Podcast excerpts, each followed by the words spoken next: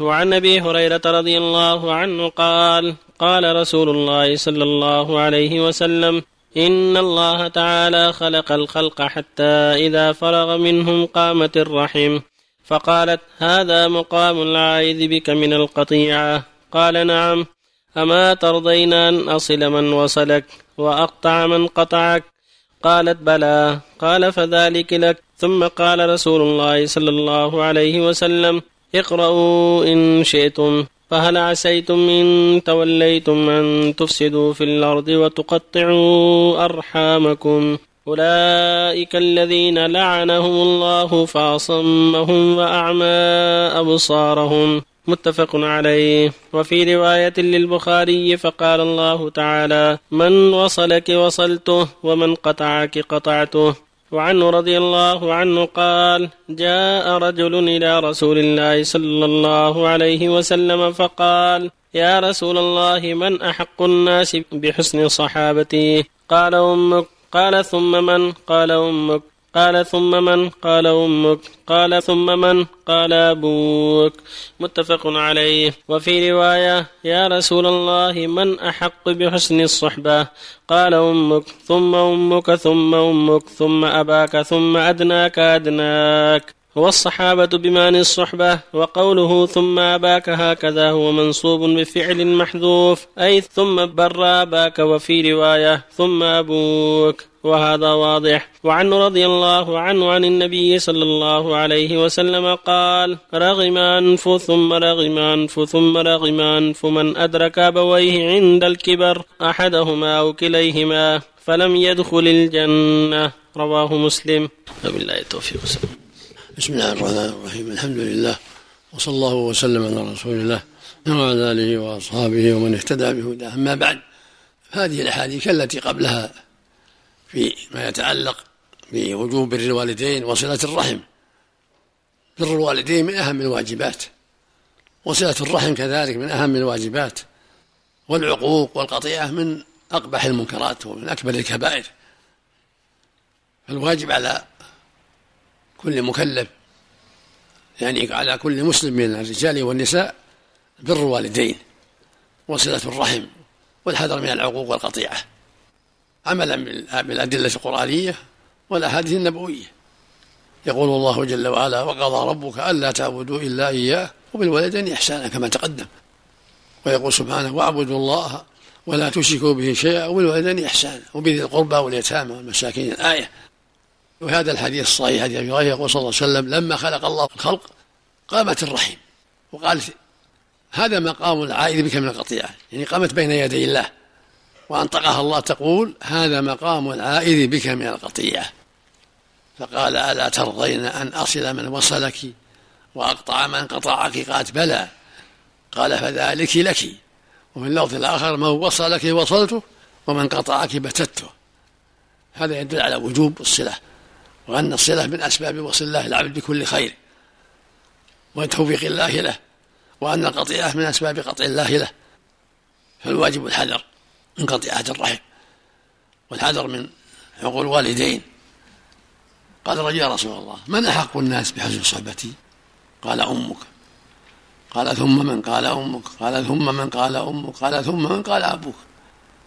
في اللفظ الآخر من أبر يا رسول الله؟ قال أمك. قال ثم من؟ قال أمك. قال ثم من؟ قال أمك.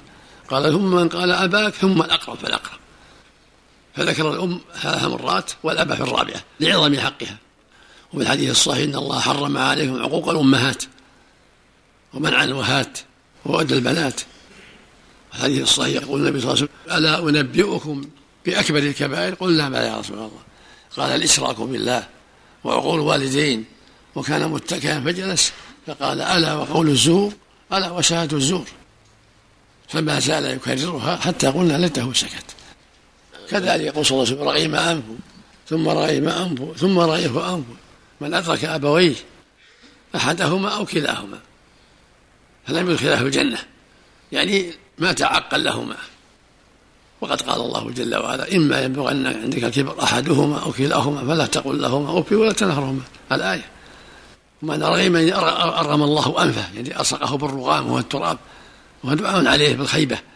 فالواجب على كل مؤمن ومؤمنة العناية بأمر الوالدين وأن تخص الأم بمزيد عناية لعظيم تعبها ومشقتها على هذا الولد في تربية الرضاع في حمله ورضاعه وتربيته.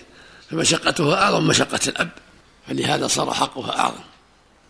فالواجب على الولد أن يأتينا بهما جميعا وأن يخص الوالد بمزيد عناية في بره. زوجة الأب ما لها حق الأم. زوجة الأب لها من باب الصلة من باب الإكرام يعني تقديرها الأب من باب مراعاة خاطر الأب. لأنها من باب إكرام صديق الأب. لما قال رجل يا رسول الله هل بقي من بره أبوي أبرهما قال نعم. قال هل بقي منه؟ قال نعم. إنفاذ عهدهما من بعدهما وإكرام صديقهما وصلة الرحم التي لا توصل إلا بهما وإنفاذ عهدهما من بعدهما فإكرام صديقهما من برهما والزوجة من أصدقاء الأب زوجة الأب زوجة الجد زوجة الابن زوجة الأم كذلك. إكراما كذلك من بر الأم. وفق الله جميعا. أحسن الله إليك. والدته أحسن الله إليك. والد أوصى في وصيته لأبنائه بأن يضحوا له كل سنة فمضت أيام التشريق في أحد السنوات ولم يضحوا فما الواجب عليهم؟ له يعني ما الأوصى فيه أي نعم أي نعم. يذبحونها ولو بعد العيد. يذبحونها ولو بعد العيد. عليهم التوبة؟ إيه نعم. وعليهم التوبة إذا كان تعمد أي نعم. حتى ولو من مالهما لو ذبح من مالهما ولو في غير وجه لو صدق عنه بذبيحة. في أي وقت تصدق بها الفقراء أجر. أحسن الله إليك.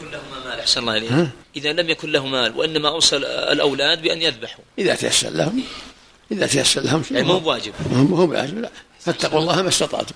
أن اشكر لي ولي والي مصير وإن جاهداك على أن تشرك بي ما ليس فلا تطعهما وصاحبهما في الدنيا معروفا مع كونهما جاهدا بالشرك قال الله له وصاحبهما في الدنيا معروفا بالإحسان إليهما وبرهما وإن كانا مشركين لعل الله يهديهما بأسباب بره والإحسان إليهما والرفق بهما لعلها ولعلها. أحسن الله إليك. يا شيخ. رواية أبي داود أحسن الله إليك. فمن هجر أخاه فوق ثلاث فمات دخل النار. هل هي ثابتة؟ أحسن الله إليك؟ عندي والله. ما أعرف أحسن الله إليك. الرواية اللي في مسلم إذا ولغ الكلب في الإناء. فاغسلوه سبع مرات وعفروه الثامنة بالتراب. كيف الجمع بينها وبين الروايات الأخرى؟ الثامنة يعني بالنسبة إلى التراب هو الثامن ولا هي سبع ثامنها التراب. يضم إلى إحدى يكون في الأولى؟ أولى في الأولى. الحديث رواية أبي هريرة أولاهن بالتراب. أحسن يعني خبيث. قاس جماعة من العلماء على الكلب. أحسن الله عليك. إذا كان الخلق عيال الله أحسن الله عليك. ما أعرف الصحة. أحسن الله عليك. مشهور لكن لا أعرف. أحسن الله إليك روث الكلب وبوله. مثل الريق أشد من الريق